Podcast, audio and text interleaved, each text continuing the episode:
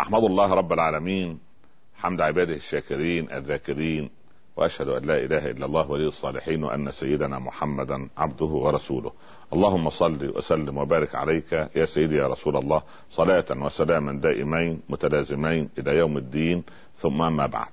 أحبتي في الله من المشاهدين والمشاهدات في أرجاء المعموره أحييكم جميعا أينما كنتم بتحيه الإسلام فالسلام عليكم ورحمة الله تعالى وبركاته. هذه حلقة جديدة يعني أشرف أن أكون معكم فيها في حلقات برنامجنا برنامجنا الأسبوعي النبع الصافي. نسأل الله عز وجل أن يسقينا من النبع الصافي وأن يعيدنا إلى نبعنا الصافي من كتاب ربنا وكلام نبينا صلى الله عليه وسلم. أحبتي في الله الرضا مسألة يقينية يعني آه، تدخل قلوب الكثيرين من عباد الله عز وجل فتحيل حياتهم إلى خير وهناءة وسعادة. وفي المقابل هناك السخط والعياذ بالله رب العالمين تحيل حياة الناس إلى بؤس واكتئاب ويأس وإحباط. نسأل الله سبحانه أن يملأ قلوبنا بالرضا وأن يعيذنا وإياكم من السخط. وكان بلال رضي الله عنه ابن رباح مؤذن رسول الله صلى الله عليه وسلم له قصة جميلة يقصها علينا يقول أنه دخل على النبي صلى الله عليه وسلم فقال له يا رسول الله أنا لا أحسن دندنتك ولا دندنة معاذ بن جبل. فقال له فماذا تقول يا بلال؟ قال أنا أدعو الله ليل نهار أقول اللهم إني أسألك رضاك والجنة وأعوذ بك من سخطك والنار. فتبسم النبي صلى الله عليه وسلم وقال يا بلال إنما حولهما ندندن. فكانت الدندنة هذه بمثابة ترجيع الذكر أو ترديد الذكر كما كان آه، تؤوب الجبال والطير مع داود عليه السلام يا جبال أوبي معه والطير وألنا له الحديد. مسألة الرضا يعني آه، لها علامات. يعني كيف يكون الإنسان راضيا؟ كيف أرضى؟ أولا آه، ابن آدم بطبيعته الرضا ضد هوى النفس. لأن الشيء الشيء الذي يوافق هواه يرضى به والشيء الذي يعني ضد هواه أو يعني لا يتوافق مع هواه دائما يأخذ منه موقف. لكن هناك علامات يعني وضعها أهل العلم وأهل الحكمة وأطباء القلوب لقضية الرضا. فقال علماؤنا أو حكماؤنا من السلف الصالح إن الرضا عبارة عن غضب يقيده أو قيده حلم. الانسان يكون حليم في غضبه. غضب قيده حلم وفقر أيده صبر. لابد أن يكون الصبر مع الفقر وغنى أيده شكر وعمل أيده إخلاص. سوف ندندن حول هذه الأربعة من علامات الرضا. نسأل الله أن نكون وإياكم من أهل الرضا. ما معنى غضب قيده حلم؟ هل الإنسان لا يغضب؟ يعني هل الإنسان المسلم يجب أن لا يغضب؟ هناك الغضب درجات. أن أغضب لله هذا غضب مستحب. كان النبي صلى الله عليه وسلم لا يغضب إلا إذا انتهكت حرمة من حرمات الله. يغضب وينفر منه العرق الهاشمي ويظهر هذا في وجهه صلى الله عليه وسلم. فالصحابة يعرفون غضبه. حتى دخل أعرابي أراد أن يعني يكلم النبي صلى الله عليه وسلم فمنعه عمر. لأن الرسول كان آه، يعني في حالة غضب من آه، خيانة هؤلاء المشركين في قتلهم لأصحابه من آه، في عند بئر الرجيع وقتلوا التسعة الذين ادعوا أنهم كانوا يريدون من يعلمهم الدين وقتلوا هؤلاء التسعة وغضب النبي صلى الله عليه وسلم غضبا شديدا. فقال الأعرابي يا ابن الخطاب والله لن أدعه حتى يضحك. دخل الأعرابي على رسول الله صلى الله عليه وسلم وفي حالة هذه في حالة الغضب. قال يا رسول الله سمعتك تقول إن المسيح الدجال سوف يأتي في وقت أو زمن لا تمطر فيه السماء ولا تنبت فيه الأرض وليس هناك طعام إلا طعامه ولا شراب إلا شرابه. فما بالك يا رسول الله أن أدعي أنني قد آمنت به ساعتها ثم أضرب يدي في ثريده حتى أشبع ثم أعود إلى الكفر به مرة أخرى فتبسم النبي صلى الله عليه وسلم حتى بدت نواجذه قال بل يغنيك الله يومها بما يغني به عباده المؤمنين يلهمهم التسبيح والتحميد والتكبير والتهليل يلهمون به كما يلهمون النفس فكلما سبح وكبر شبع وشعر بالري بفضل الله سبحانه وتعالى. اذا الإنسان يغضب إذا انتهكت حرمة من حرمات الله. إذا رأى أن الإسلام ينتقص من شأنه إذا رأى انسانا يجور على دين الله عز وجل إذا رأى ظالما يريد أن يظلم من لا ناصر له إلا الله هنا هذا كله غضب مستحب. أما بعض الناس غضب يعني سبحان الله في صغير الأمر وكبيره هذا الغضب هذا الغضب. طالما أنا في إطار الرضا الغضب يجب أن يقيده حلم. الإنسان الحليم هو الانسان الممسك بعواصف نفسه. يعني أنا أقصد الصاد وليس بعواطف. لا عاطفته جياشة. لكن عواصف النفس الناس لما لما تسير منها عواصف الغضب أو رياح الغضب هذه الرياح تؤثر سبحان الله سلبا على قرار الإنسان. ولذلك الإسلام عالج قضية الغضب. كيف عالجها؟ أول شيء إذا غضبت أو إذا غضبت أول شيء أقوم فأتوضأ. لأن الغضب من الشيطان. والشيطان من النار ولا تطفأ النار إلا بالماء. هذا أمر. الأمر الثاني دائما ندعو اللهم أجرني من حر غضبي. هذا هو الأمر الثالث الثاني. الأمر الثالث قال علماؤنا أن يعني استنانا بسنه النبي صلى الله عليه وسلم أن أغير من وضعي الجسدي اللي هي حركة الجسد. إن كنت جالسا أقف إن كنت واقفا أجلس كنت مضطجعا اجلس وهكذا سبحان الله. أو أتحرك من المكان. ولا أصدر قرارات.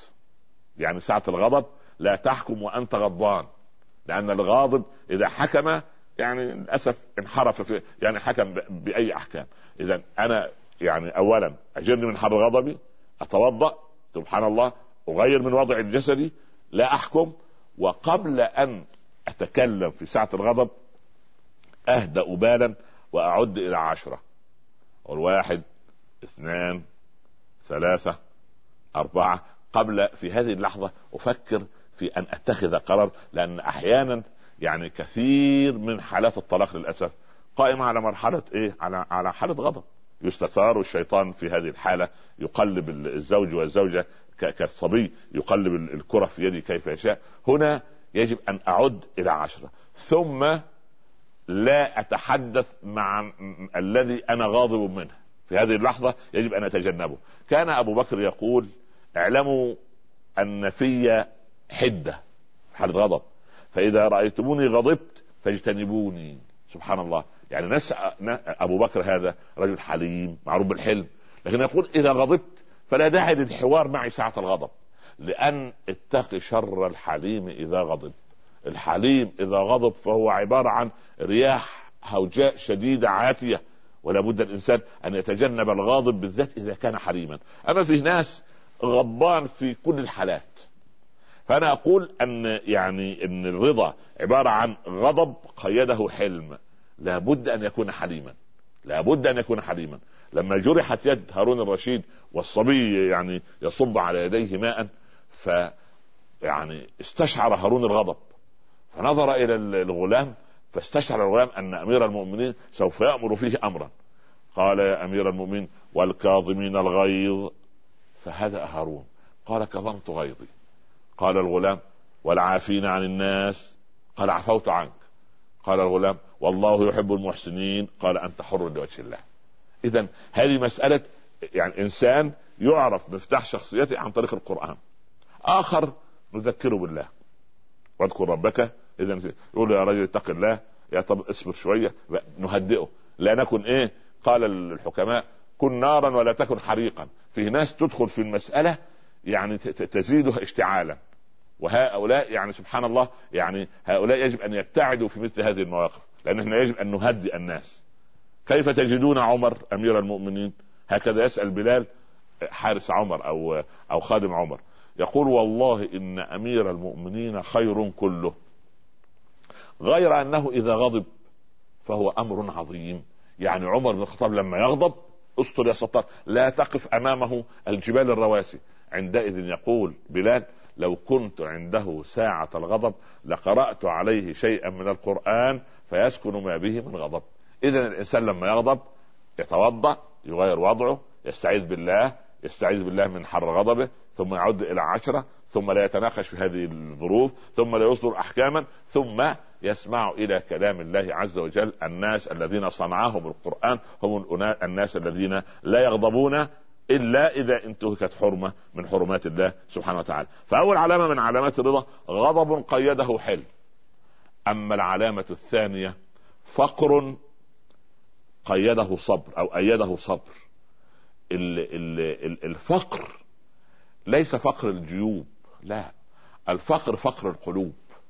أن يفقر القلب من العاطفة الجياشة أن يفقر القلب من المحبة الصادقة أن يفقر القلب من الحنو على الناس والعطف على الناس أن يفقر القلب من العطاء لأن فيه ناس بطبيعتها كالأرض الرملية تأخذ ولا تعطي تأخذ ماء سنوات طويلة ولا تنبت لا, لا كلأ ولا تفيد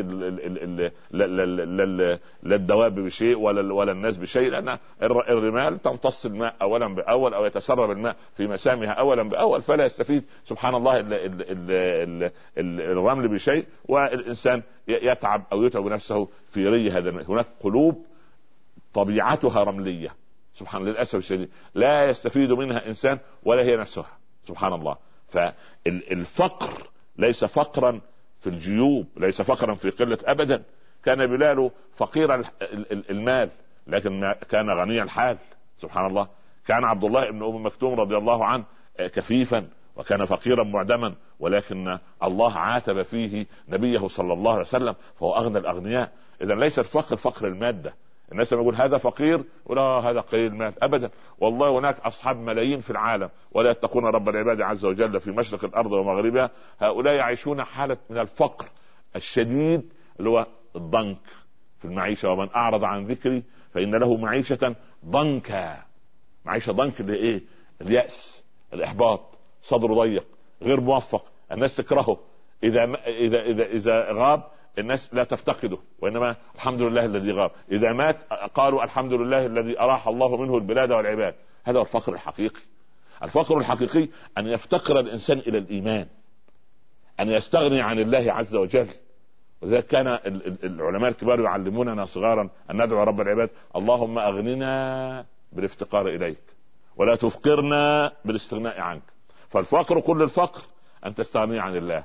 والغنى كل الغنى أن تفتقر إلى الغني سبحانه. أما من دخل على غني أو ملك أو عظيم فتضعضع له لغناه فقد ذهب ثلث دينه. تخيل أن ثلث دين الإنسان يضيع إذا تضعضع الإنسان لغني لغناه. لما سبحانه ولا تمدن عينيك إلى ما متعنا به أزواجا منهم زهرة الحياة الدنيا لنفتنهم فيه. ورزق ربك خير وأبقى. رزق الله عز وجل خزائنه ملأى سبحان الله الله جعل فينا غني وفقير ليرى عطف الغني على الفقير وصبر الفقير وشكره للغني. أما مسألة الخزائن خزائن الله ملأى لو شاء لجعل كل الناس أصحاب مليارات لكن ليختبر بعضنا أو بعضنا ببعض. سبحان الله فقر أيده صبر. لابد الإنسان أن يصبر. أن ي... والصبر مطية لا تكبو والصابر بخير. والصبر نصف الإيمان. الإيمان نصفان أو قسمان نصف صبر ونصف شكر. فإذا صبرت أيها الفقير سبحان الله يعني مثلا واحد فقير إلى أن يكون له ولد. هذا نوع من الفقر. يدعو الله عز وجل رب لا تذرني فردا وأنت خير الوارثين. ويظل بهذا الأمل ويترك الأسباب خير. طبعا هذا خير كبير أن تنتظر الفرج. سبحان الله أنت فقير إلى المال. فقير إلى أن ابنك يتخرج فقير إلى أن يطرق بابك عريس لابنتك. كل هذا نوع من الافتقار إلى الله وهذا افتقار حسن لأنك تستمد الغنى من الغني تستمد الفضل من صاحب الفضل تستمد الخير من من خالق الخير سبحانه وتعالى. أما أن تنتظر فلان أو فلان أو فلان فهذا هو الفقر الحاضر سبحان الله. لأن لأن الإنسان سبحان الله الله عز وجل ما تركك يعني يعني يا ابن آدم خلقتك لنفسي فلا تلعب وخلقت الأشياء من أجلك فلا تتعب. كما يعني الله عز وجل يريد أن يقول لنا أنا خلقتك يا ابن آدم من أجل وما خلقت الجن والإنس إلا ليعبدون فلا تلعب لا تضيع الوقت. وخلقت الأشياء من أجلك فلا تتعب لأن رزقك آت لك ولكن ما عليك إلا تلقى الأسباب. يبقى اذا علامه الرضا الأولى غضب قيده حلم وفقر ايده صبر ثم غنى أيده شكر. لا فائدة في الغنى إن لم تشكر. ومن أعطي الشكر كما قلنا في الحلقة السابقة لم يحرم المزيد ابدا ولئن شكرتم لأزيدنكم. ولكننا قلنا إن الشكر يجب أن يكون من جنس النعمة. ولا وعليك أن تقيد النعمة بقيدها. قالوا وما قيد النعم؟ قيل إن قيد النعم هو شكرها أن تشكر النعمه تشكر الله على نعمة الصحة. على نعمة الخير على نعمة الولد الصالح البنت المصلية على نعمة الجار على نعمة الإسلام. أولا وأخيرا هذه أكبر نعمة. نعمة ما طلبناها من الله عز وجل. يعني نزلنا لنا نفسنا في بلاد في بلاد إسلامية بين آباء وأمهات مسلمين. عندنا نسمع الأذان خمس مرات. هذه نعم كبيرة. أين شكرها؟ أين شكرها؟ يجب أن نشكر رب العباد على هذا على هذا الخير الكبير. اذا يعني يعني اذا غضب غضب قيده حلم. وفخر أيده صبر وغنى أيده شكر. لابد مع الغنى الشكر. الذين سبحان الله ينسون رب العباد عز وجل وينسون فضل الله سبحانه وتعالى تزول يا عائشة. هكذا يقول حبيبنا صلى الله عليه وسلم حسني جوار نعم الله عندك. فما من قوم لم يحسنوا جوار نعم الله عندهم إلا وزالت عنهم وقل ما عادت اليه يعني مثلا ما الأمثلة؟ الله عز وجل أعطى بلدا معينا رخاء مثلا. سبحان الله. لم تشكر هذه البلدة رب العباد عز وجل. أو إنسان معين. خلينا على الفرد مستوى الفرد. إنسان يعني الله أعطاه ولكن لم يشكر عطاء الله عز وجل. زي أصحاب الجنة. اذا أقسموا ليصرمونها مصبحين ولا يستثنون. يعني لن يعطوا فيه منها فقيرا. وغدوا على حرد قادرين.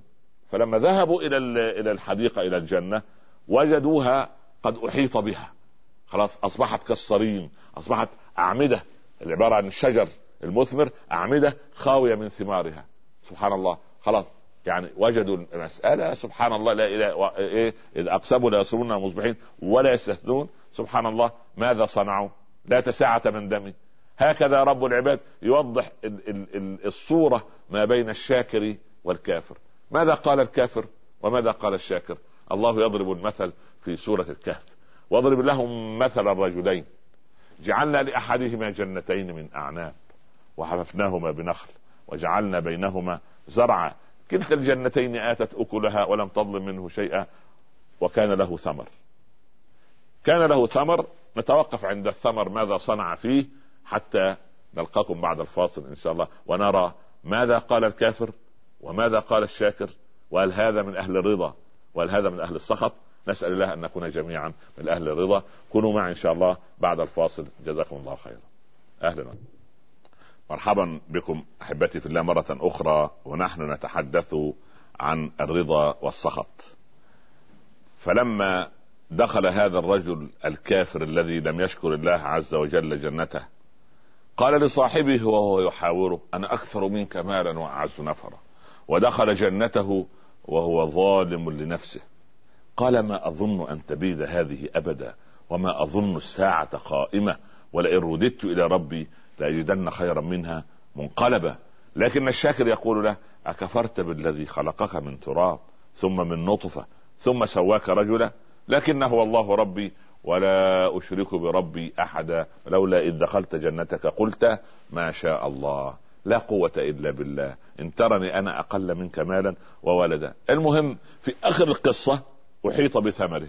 يعني أصبح الصباح فما وجد اثرا لحديقته ولا لبساتينه ولا للحديقتين ولا للجنتين فأصبح يقلب كفيه على ما أنفق فيها وهي خاوية على عروشها ويقول يا ليتني لم أشرك بربي أحدا فلم تكن له فئة ينصرونه من دون الله وما كان منتصرا. هنالك الولاية لله الحق وخير ثوابا وخير عقبة إذا هذه يعني مقابلة ما بين شاكر وكافر. إذا غنى أيده شكر ثم عمل أيده إخلاص. وهذه العلامة الرابعة من علامات الرضا. ما معنى عمل أيده إخلاص؟ يقال إن آه، حكمة من محاور أربعة. تقول أولها يا ليت الخلق لم يخلقوا. ويا ليتهم لما خلقوا علموا لماذا خلقوا. ويا ليتهم لما علموا لماذا خلقوا عملوا بما علموا. ويا ليتهم لما عملوا بما علموا أخلصوا فيما عملوا. الإخلاص سر من أسرار الله يضعه الله عز يضعه الله عز وجل قلب من يحب من عباده. أما بقية المعاملات فهي مسألة أخرى لكن هذا سر من الأسرار الإلهية التي عندما يرضى رب العباد على عبد يرزقه هذا الإخلاص. قليل نحن نحتاج إلى قليل من الإخلاص. لو أخلص الموظف لو أخلص المدير لو أخلص الصغير لو أخلص الكبير لو أخلص الرجل لو أخلصت لكل واحد لو رزق الإخلاص لتحولت أحوال بلادنا. لكن للأسف الشديد عندما يتبخر الإخلاص يصير العمل عمل روتيني لا روح فيه. فالإخلاص بالنسبة لأي عمل هو عبارة عن الروح التي داخل الجسد. إذا نزعنا الروح من الجسد عمل من غير إخلاص.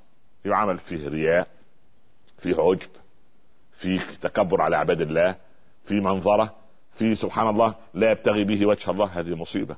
اذا علامات الرضا هذه الأربعة. غضب قيده حلم احفظوها أو اكتبوها. غضب قيده حلم هل عندما تغضب يقيدك الحلم؟ ثم فقر أيده صبر هل إن كنت فقير هل إن كنت فقيرا هل صبرت؟ ثم غنى أيده شكر هل لما رزقك رب العباد بالمال أو الولد أو الوظيفة أو المهنة أو العلم أو أي شيء من الأشياء هل تشكر رب العباد؟ وهل إذا عملت أخلصت فيما تعمل. هذه أربعة عبارة عن حالات الإيه؟ الرضا. في المقابل إنسان والعياذ بالله في حالة من السخط. أول علامة من علاماته غضب أوقع في ظلم. بدل هناك غضب قيده حلم هناك غضب أوقعه في ظلم. لأن الإنسان عندما يغضب يجب الا يظلم. يعني حتى إذا غضب. يعني وإذا ما غضبوا هم يغفرون. يعني اذا إيه؟ لما أغضب لا يوصلني الغضب إلى أن أظلم الآخر. ايا كان هذا الآخر. زوجة ابن جار موظف عندي آه، مسلم غير مسلم آه، حيوان. لا أظلم لا أظلم. لأن المرأة دخلت النار في هرة. والمصيبة ما في حد من المليار ونصف تقريبا وصلنا تقريبا بفضل الله إلى مليار ونصف مسلم لا يعرف هذا الحديث. امرأة دخلت النار في هرة حبستها لا هي أطعمتها ولا تركتها تأكل من خشاش الأرض. إذا هرة أدخلت امرأة النار. الله. إذا المسألة يعني ليست بها وتحسبونه هينا وهو عند الله عظيم. لماذا؟ لأنها ظلمت من لا ناصر له إلا الله. يقول صلى الله عليه وسلم في كل ذات كبد رطبة أجر. في كل مخلوق لك أجر. حتى قال العبد لما يزرع شجرة ما استظل بها إنسان أو حيوان أو اكل منها إنسان أو طير أو حيوان إلا كان له إيه؟ بها أجر سبحان الله. اذا الخير لا ينقطع. ولكن العبد إذا غضب لا يدخله الغضب في ظلم آخر. يعني عمر الله يرضى عليه لما النبي صلى الله عليه وسلم قال له يا عمر خذ اليهودي هذا وأعطيه حقه. فاليهودي يقول لعمر آه، أو عمر يقول لليهودي والله أنا لا أحبك حتى تحب الأرض الدم المسفوح. فيقول اليهودي وهل عدم حبك لي يا ابن الخطاب يمنعني حقا من حقوقي؟ قال له أبدا لا. قال اذا لا يأس على الحب إلا النساء. تحب أو تكره المهم أخذ حقي. فإذا حتى عمر لما غضب إلا أبى أو أبى إلا أن يعطي الرجل إيه؟ حقه. فالغضب لا يوقعني أبدا في ظلم. سبحان الله. والعلامة الثانية من علامات السخط والعياذ بالله فقر والعياذ بالله أوقع في كفر. بعض الناس تتململ. يقول الله لماذا أنا ابن المريض وأولاد الناس هي الأصحاء؟ لماذا زوجتي متعبة والزوجات الأخر الأخريات مطيعات؟ لماذا هذا زوجها رجل صالح وأنا وهكذا؟ لماذا جاري؟ الله. لا ليس للمسلم أن يسأل وإنما يسأل الله من فضله. يعني لا يتمنى بعضنا ما فضل الله به بعضنا على بعض. ابدا. يقول ربنا للرجال نصيب مما اكتسبوا وللنساء نصيب مما اكتسب واسألوا الله من فضله. ولذلك لماذا عاب الإسلام على قضية الحسد؟ ولماذا أن الحسود لا يسود؟ لأن الحسود لا يرضى قسمة الله عز وجل. يعني يرى إنسان عنده مال يقول ولماذا لماذا لا يكون عندي أنا هذا المال وهذا؟ سبحان الله. أنا أعلم منه. أنا اجازتي العلمية أعلى من شهادته. أنا عقلي أذكى من عقله. أنا نبيه أكثر منه. أنا أنا هذه مصيبة. بدلا من أن تحسد تحسده اسأل الله أن يعطيك. هذه غبطة. المؤمن يغبط والمنافق يحسد. أنت مؤمن بفضل الله. اغبط يعني اغبط. أتمنى أن تكون أن يكون عندك مثله. سبحان الله. ولذلك الإنسان المؤمن فقره لا يوقعه ابدا في في مذمة ولا في كلمة. يعني ولا في غضب ولا في إغضاب ولا في في مسألة تخرجه من الايه من حدود الإسلام والعياذ بالله رب العالمين. وغنى أوقع في شح. أغلب أغنيائنا إلا من رحم ربي عندهم شح. لو أخرج كل غني زكاة ماله بما يرضي الله ما ظل فقير بيننا. لأن الله وضع ميزان في هذا الكون. وضع ميزانا في هذا الكون. اعذروني إن كان في الصوت شيء من حجرات من حشرجة كده يعني يبدو بقايا برد أو شيء. يعني ال ال ال لا لا الله عز وجل جعل قوت الفقير في فضل مال الغني. قوت الفقير اسمعوا هذه جيدا. قوت الفقير في فضل مال الغني. فما جاع فقير إلا بتخمة غني يعني ربنا وضع ميزان في الكون. جعل طائفة من الناس أغنياء. وجعل جزء من هذا المال سواء 2.5% أو 5% أو 10% أو 20% وزكاة الركاز والمعادن والبترول وغيرها هذه الزكوات لو أخذت من حقها وبحقها وأعطيت للفقراء الذين هم من المصارف الثمانية إنما الصدقات الفقراء والمساكين الآية هذه المصارف الثمانية تكفيها زكوات إخوانهم الأغنياء. فإذا رأيت فقيرا في دولة الإسلام وللأسف 24% من فقراء العالم في بلاد المسلمين اذا هناك بعض الأغنياء ضيعوا حقوق إخوانهم الفقراء وما أخرجوا زكوات أموالهم. فليتق الله ربه كل غني. بلغت أمواله آلاف وملايين لابد من حسابات. يعني أنت يا أخي عندك في في الشركة مراجع قانوني ومحاسب قانوني ومحاسب مالي وإدارة مالية وشؤون مالية. طيب وهات أيضا مستشار جنب هؤلاء يعني شرعي يلاحظ قضية الزكاه تعالى هذه الأموال كذا هذه اصول ثابته ليس فيها ولكن هذه أموال كذا هذه الأراضي عليها هذه الأراضي ليست عليها هذه المباني عليها هذه ليست عليها هذه عليها ديون إذا كذا وهذه الذهب والمجوهرات هذا البئر هذا إذا لابد من حسابات انت تدقق في حسابات لضرائب وجمارك وغيرها في بعض البلاد وبعدين تشوف الوضع الميزاني أو وضع المالي للشركة وللمؤسسة وتقدم ميزانية آخر العام فأين ميزانيتك؟ بين يدي رب العباد عز وجل. الله عز وجل هؤلاء الذين يخرجون زكاة أموالهم تصفح يوم القيامة عبارة عن صفائح من ذهب صفائح من نار وتحمى يوم القيامة وتكوى بها جباههم وجنوبهم وظهورهم. لماذا؟ لماذا تكوى هذه المناطق الثلاثة؟ لأن أولا إذا رأى الغني أخاه الفقير قطب جبينة. أول شيء فربنا يكوي جبينه الذي قطبه في وجه أخيه. عبس وتولى عبس وبصر. ثم الغني يعطي جنبه للفقير. فربنا يكوي جنبه اللي تكبر عليه. ثم يولي الغني ظهره ويترك أخاه الفقير يتذلل. هنا يكوى ظهره تكوى بجباهه وجنوبه وظهوره. فليحذر كل غني أن يحاذر وليتق الله ويخرج زكاة ماله حتى لا تبقى فضائح المسلمين على العالم أن الفقر مرتبط بوضع البلاد الإسلامية.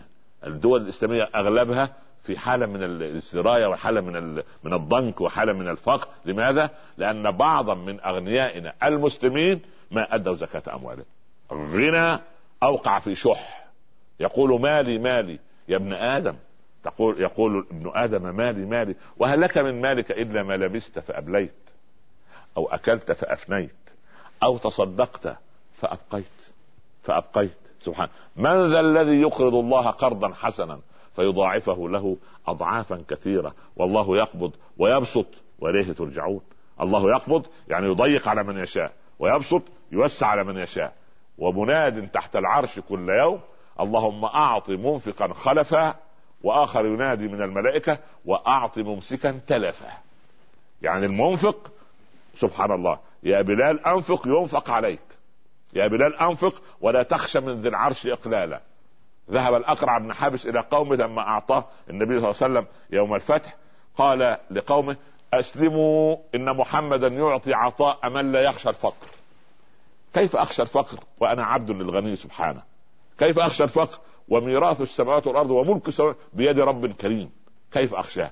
لماذا أنت تقول أن الغد سوف يأتي ولا أجد؟ لا. يا موسى لا تخش فوات الرزق ما دامت خزائني مملوءة وخزائني مملوءة لا تنفد أبدا. ابدا. يعني شوف يد الله عز وجل وكلتا يديه يمين سحاء بالخير ليل نهار ينفق ويعطي كيف يشاء والكريم سبحانه لا يسأل كم أعطى ولا من أعطى إنما هو الكريم سبحانه يعطي بالليل وبالنهار وسرا وعلانية ويرزق هذا ويرزق ذاك. ولذلك يقول الله عز وجل في الحديث القدسي لأرزقن من لا حيلة له حتى يتعجب صاحب الحيل. يعني أحيانا تجد انسان عقله تفكيره يعني تعطيه مستوى ذكاء خمسين بالمئة. سبحان الله. وربما يقال أن هذا يدخل تحت دائرة المتأخرين أو المت... سبحان الله. ولكن يرزق من حيث لا تدري ولا تحت وتجد سعة في الرزق. هكذا رب العباد لأرزقن من لا حيلة له حتى يتعجب صاحب الحيل. يبقى إذا هي القضية يعني عقول فقط. لا لا هي أرزاق هي أرزاق. إن الله قسم بينكم الأخلاق كما قسم بينكم الأرزاق. يا سلام لما ربنا يجعل الإنسان غني في الأخلاق غني في أن أن يغنيه الله من فضله بحب الناس أن يغنيه بمحبة أن يلقي حب حبه في قلوب البشر. أن يلقي محبته في قلوب الصالحين. وإذا رضيت عني كرام عشيرتي فلا زال غضبان علي لئامها. وإن رضيت عني لئام عشيرتي فلا زال غضبان علي كرامها. وأنت أخي المشاهد وابنتي المشاهدة أنتم تحبون أن يكون من أهل الرضا عنكم كرائم الناس وليس لئامهم نسأل الله أن يجعل كرام القوم هم الذين يرضون عنه. إذا علامات السخط الآتي. أولا غضب أوقع في ظلم. غضب يوصلني أن أظلم. ثم فقر أوقع في كفر والعياذ بالله قنوط ويأس. ثم غنى أوقع في شح. لما غني وايه وسبحان الله يكون شحيح. ثم العلامة الرابعة عمل اوقع في عجب. كثير منا عندما يؤدي شيء مثلا يتصدق للمسجد الفلاني أو يبني مسجدا. وقد بنى المحسن الكريم فلان الفلاني مسجدا في المنطقة. يا أخي سبحان الله ال ال ال السبعه الذين سوف يظلهم الله في ظل اللهم اجعلنا منهم يا رب وإياكم يوم لا ظل إلا ظله. ورجل تصدق صدقة فأخفاها.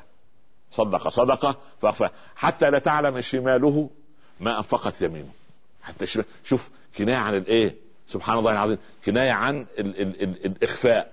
كان أهل الكوفة سبحان الله على مدى سنوات طويلة عقود من الزمن يفتحوا الأبواب الفقراء يجدوا المال والطعام والكساء. من الذي يضع لنا هذا؟ إلى أن مات علي زين العابدين بن الحسين ابن علي رضي الله عنهم جميعا من آل البيت.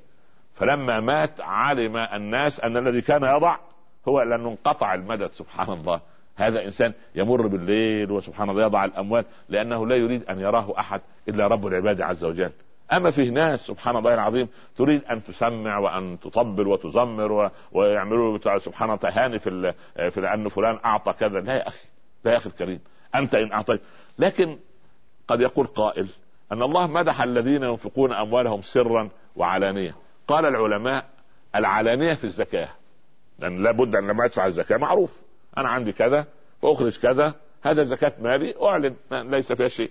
ولكن الصدقة يجب أن تكون سرا حتى لا يدخل فيها الايه العجب. ولذلك العلماء يعني شجعونا جميعا أن إحنا نصلي الفرض في المسجد ولكن النوافل نصليها في البيوت.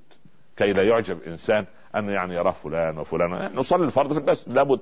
لكن النوافل اجعلوها لا تجعلوا بيوتكم كالقبور. يعني خلوا فيها الايه؟ النفل نصلي فيه سبحان الله. نصلي النفل فين؟ في البيت. أما الفرض فهذا سرا وهذا علانية الزكاة يجيز أن أعلن بها. أنا فلان أو خذ وزع هذا هذا زكاة مال لن يذهب إلى مصارفه. لكن الصدقة خلوها في الإيه؟ خلوها في الإيه؟ في السر سبحان الله. ولذلك الصحابة والسلف الصالح كان يخاف جدا ويخاف في حالة من الرعب من حالة العجب. يعني يعجب بعمله. لا. ولذلك لأن أبيت مذنبا نادما خير لي من أن أبيت قائما معجبا. يعني أنا أفضل لي أن أبيت وأنا مذنب بس نادم على ما صنعت. أفضل من لما أبات بالليل وأنا إيه؟ وأنا قائم ومعجب بإيه؟ بقيامي وأستشعر كده ان أنا أفضل من الغير وان أنا أقوم الليل وجاري لا يقوم وهو بيته مطفأ بالليل وأنا بيت الحمد لله أو أصلي فيه لا. سبحان الله لأن العبد لا يضمن متى يقبل منه العمل ولا يعرف متى رب العباد يقبل ولا يدري أي الأعمال قد قبل. اذا هذه يعني توازنات ما بين أربعة أمور علامة رضا وأربعة أمور علامة سخط. أجمل مرة أخرى وحتى يعني يتقرر في ذهني وذهنكم ماذا أقول. حالة الرضا عبارة عن انظر في نفسك أربع حالات. غضب قيده حلم فقر أيده صبر غنى أيده شكر عمل أيده إخلاص. سبحان الله. هذه الأربعة. الأربعة الأخر لعلامات السخط والعياذ بالله. ما هي؟ غضب أوقع في ظلم ثم فقر أوقع في كفر غنى أوقع في شح وعمل أوقع في عجب. هذه علامات الرضا وتلك علامات السخط من أي الفريقين تريد أن تكون أيها الأخ الكريم أيها المشاهد أيتها المشاهدة كونوا معي بعد الفاصل إن شاء الله نكمل حديثنا وتلقى أسئلتكم. بارك الله لي ولكم في القرآن العظيم. كونوا معي إن شاء الله وبارك الله فيكم. أهلا بكم وسهلا. مرحبا بكم أحبتي في الله مرة أخرى بعد هذا الفاصل ونحن نتحدث عن الرضا والسخط. نسأل الله أن يجعلنا وإياكم من أهل الرضا وأن يعيذنا وإياكم من أهل السخط. ونسأل الله عز وجل رضاه والجنة ونعوذ من سخطه سبحانه وتعالى ومن النار. آه، إلى أن نبدأ في تلقي اتصالاتكم أريد أن أتحدث قليلا في قضية لماذا لماذا لا يرضى العبد؟ الولد الصغير غير راضي والمرأة غير راضية. إذا سألت الرجل الرجل يشكو من الكثير من الباقي والمرأة تشكو من الباقي والجار يشكو من جاره. متى نصل إلى حالة الرضا عن بعضنا البعض؟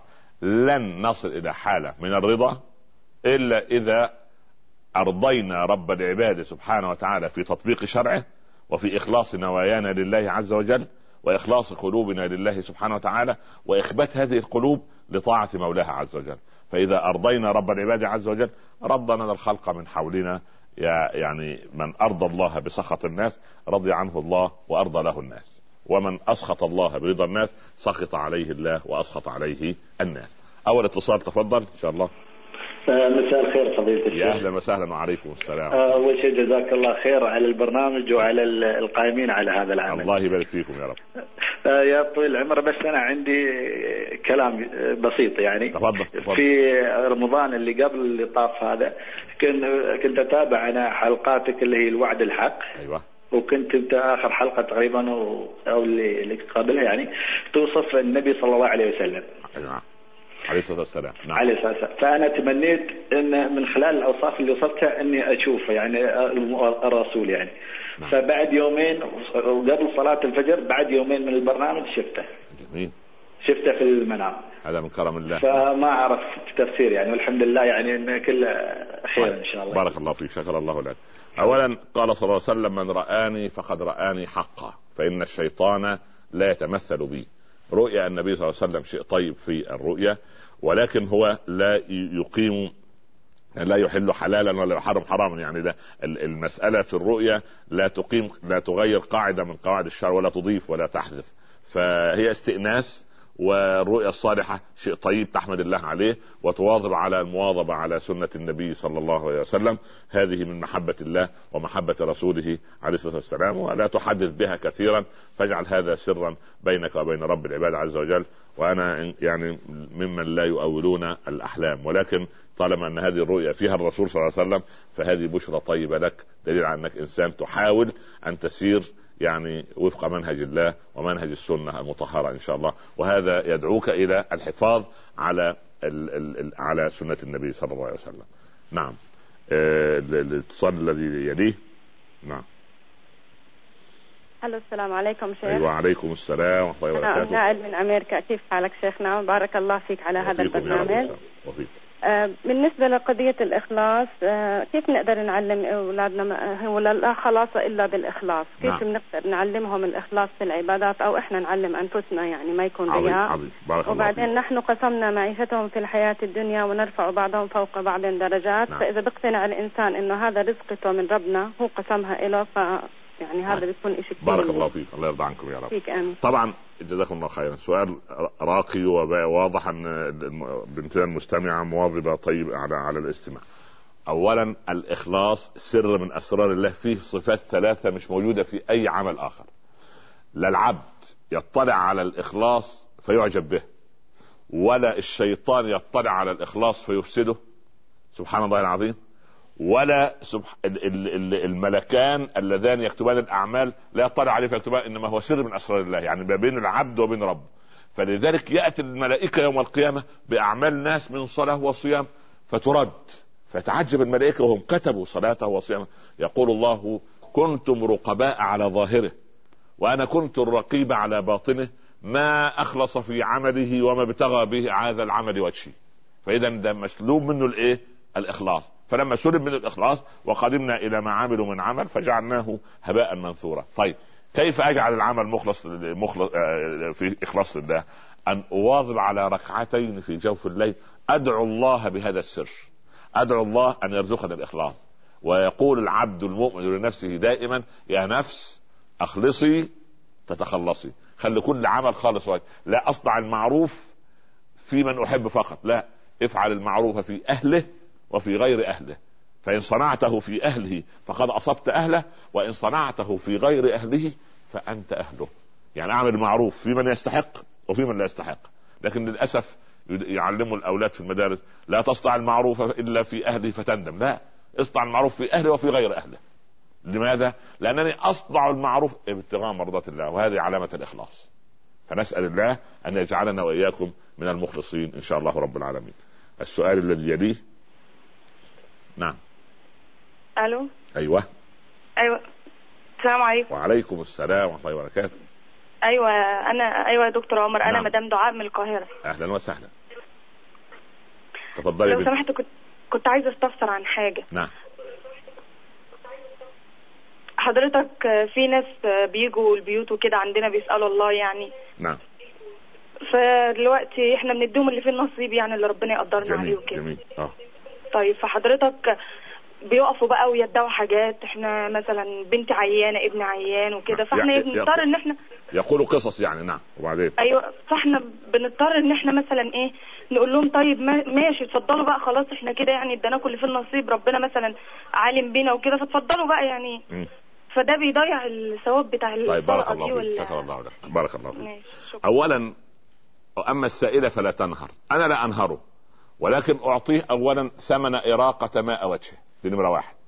ولكن إذا تعود هذا السؤال باستمرار الإسلام يعطي فقير الحاجة لا فقير الاحتراف وأنا أرى والله أعلم ان يريد تكون هناك جهات معنية أو نحن يعني نتقصى حالة هؤلاء. والله إن كانوا يستحقوا أوصلنا إليهم ما نريد أن نوصله دون إراقة ماء وجوههم والإتيان إلينا. نذهب إلى يعني ندرس حالتهم. إذا كانوا يستحقوا فعلا نذهب إليهم بكل عزة وكرامة. وزيارة بالليل دون أن يدري بهم الجيران. نعطيهم ما نريد أن نعطيهم مما أعطانا رب العباد عز وجل. لكن لا داعي لأن يأتوا ويقفوا أمام الأبواب باحتمال بعضهم صادق وبعضهم كاذب. فأنا ممكن أقول أن إحنا دراسة حالة هؤلاء تريحنا وتريحهم. وكم من أناس سبحان الله يعني يحسبهم الجاهل أغنياء من التعفف لا يسألون الناس إلحافا فاحنا نسأل الله أن يعني أن نكون صادقين والا يضيع الثواب إن شاء الله وهو لن يضيع بإذن الله رب العالمين. أيوه. السلام عليكم. وعليكم السلام ورحمة الله وبركاته. نحبك في الله يا شيخ عمر. الله يرضى عليك. جزاك الله خير عنا وعن المشاهدين. وعنكم إن شاء الله. بارك الله فيك. آه سؤالي حضرتك قد يصاب الإنسان في بعض ال ال الأحوال بالابتلاء. نعم. وقد يرثي الإنسان لحاله أو لنفسه. نعم. لكنه لا يحدث به أحد آخر إلا إلا نفسه. آه. مجرد رثاء لكنه عد لكنه آه، يعني ما هوش اعتراض على على قضاء الله أو على أمر الله. حديث النفس. هو رثاء آه صحيح. مم. صحيح. نعم. فهل ده يعتبر من علامات السخط أو يعتبر بع... ب... ب... من من علامات عدم الرضا؟ بارك الله فيك. جزاكم الله خير. جزاك الله خيرا. من كرم الله علينا أن الله لا يحاسبنا على خواطرنا. ولو حاسبنا على خواطرنا حتى نفس في الصلاة. قال ابن عباس الحمد لله الذي قال ويل للمصلين الذين هم عن صلاتهم سهون وما ولم يقل في صلاتهم سهون والا لهلكنا جميعا. الحمد لله ان نقول عن صلاتهم مش في صلاتهم. فنفس القضية. أنا إذا حدثت نفسي بأي شيء الله لا يحاسبني عليه إلا إذا تلفظت به أو حولت إلى عمل.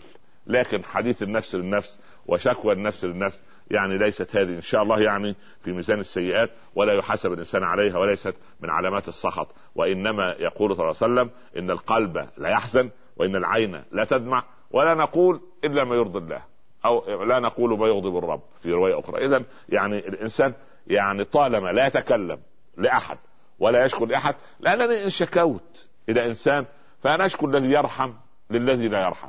أشكو الله. لعباد الله؟ ابدا.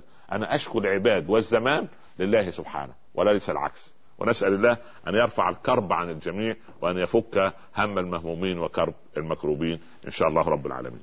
أيوه السؤال الذي يليه؟ نعم. أيوه. نعم. في سؤال تاني؟ طيب.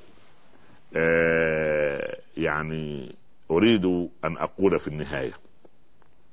يعني الذين لا يملأ قلوبهم الرضا. ماذا يظنون وماذا ينتظرون؟ واحد قلبه ليس في حالة رضا. بالله عليك. ماذا تكون حالته؟ واحد مش راضي. يعني ولد متمرد. رجل كبير لا يرضى عن عمله. يروح العمل وهو مكتئب وراجع من عمله مكتئب ويغضب لأقل شيء. بالله عليك. هل هذا نوع من الحياة؟ الإنسان الغاضب أو الإنسان غير الراضي إنسان غير قانع بحياته إنسان متمرد على كيانه على كينونته على على على إطاره على معيشته. ما الذي يكسبه؟ ما الذي يكسبه إنسان في حالة من التململ وحالة من عدم الرضا؟ يعني ارضى بما قسمت لك تكن أغنى الناس. يقول يعني يا داود أنت تريد وأنا أريد. فإن رضيت بما هكذا في الحديث القدسي يا داود أنت تريد وأنا أريد. فإن رضيت بما أريد أعطيتك ما تريد. وإن لم ترضى بما أريد أتعبتك فيما تريد. ثم لا يكون إلا ما أريد فإني فعال لما أريد. اذا القضية ليس للعبد إلا أن يصبر. ليس العبد إلا أن يحتسب. ليس العبد إلا أن يرضى لأن الرضا دي حال الرضا هذا حاله تشرح الصدر تجعل الإنسان هادئ مع نفسه. تجعله صع... يعني صاحب قرار. يعني متوازن. صاحب رأي صاحب رؤية واضحة.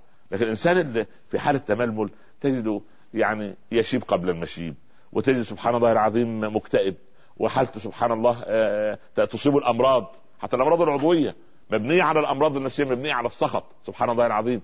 فنسأل الله سبحانه وتعالى أن يبعد عنا وعن قلوبنا السخط وأن يملاها بالرضا إن شاء الله رب العالمين. ندعو في نهاية هذه الحلقة عسى أن تكون ساعة من ساعات الإجابة. سبحانك اللهم وبحمدك. اللهم صل وسلم وبارك عليك. يا سيدي يا رسول الله. اللهم أبعد عنا الغضب يا أرحم الراحمين. وارزقنا بالحلم يا أكرم الأكرمين. اطرد عنا الفقر يا أرحم الراحمين. وارزقنا بالصبر يا أكرم الأكرمين. اللهم ارزقنا الغنى يا رب العالمين. واجعلنا لك من الشاكرين. وارزقنا الأعمال الصالحة يا أكرم الأكرمين. وارزقنا فيها الإخلاص يا رب العالمين. اللهم زينا بالحلم. وارزقنا العلم. ووفقنا لما تحب وترضى. اجعل جمعنا جمعا مرحوما وتفرقنا من بعده تفرقا معصوما. لا تجعل بيننا شقيا ولا محروما. اللهم إنا نسألك رضاك والجنة ونعوذ بك من سخطك والنار. اجعل أبناءنا وبناتنا من الفالحين الناجحين في الدارين يا رب العالمين.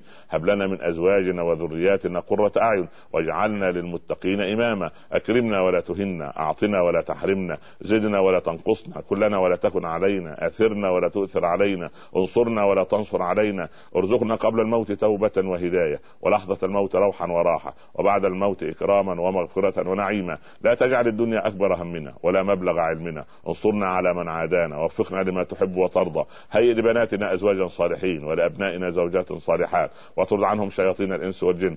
أمن مجتمعاتنا وأوطاننا من كل مكروه وسوء. اللهم زحزحنا عن النار وعن كل عمل أو قول يقرب منها وأدخلنا الجنة دون سابقة عذاب. أظلنا بظل عرشك يوم لا ظل إلا ظله. متعنا بالنظر إلى وجهك الكريم في مقعد صدق عند مليك مقتدر.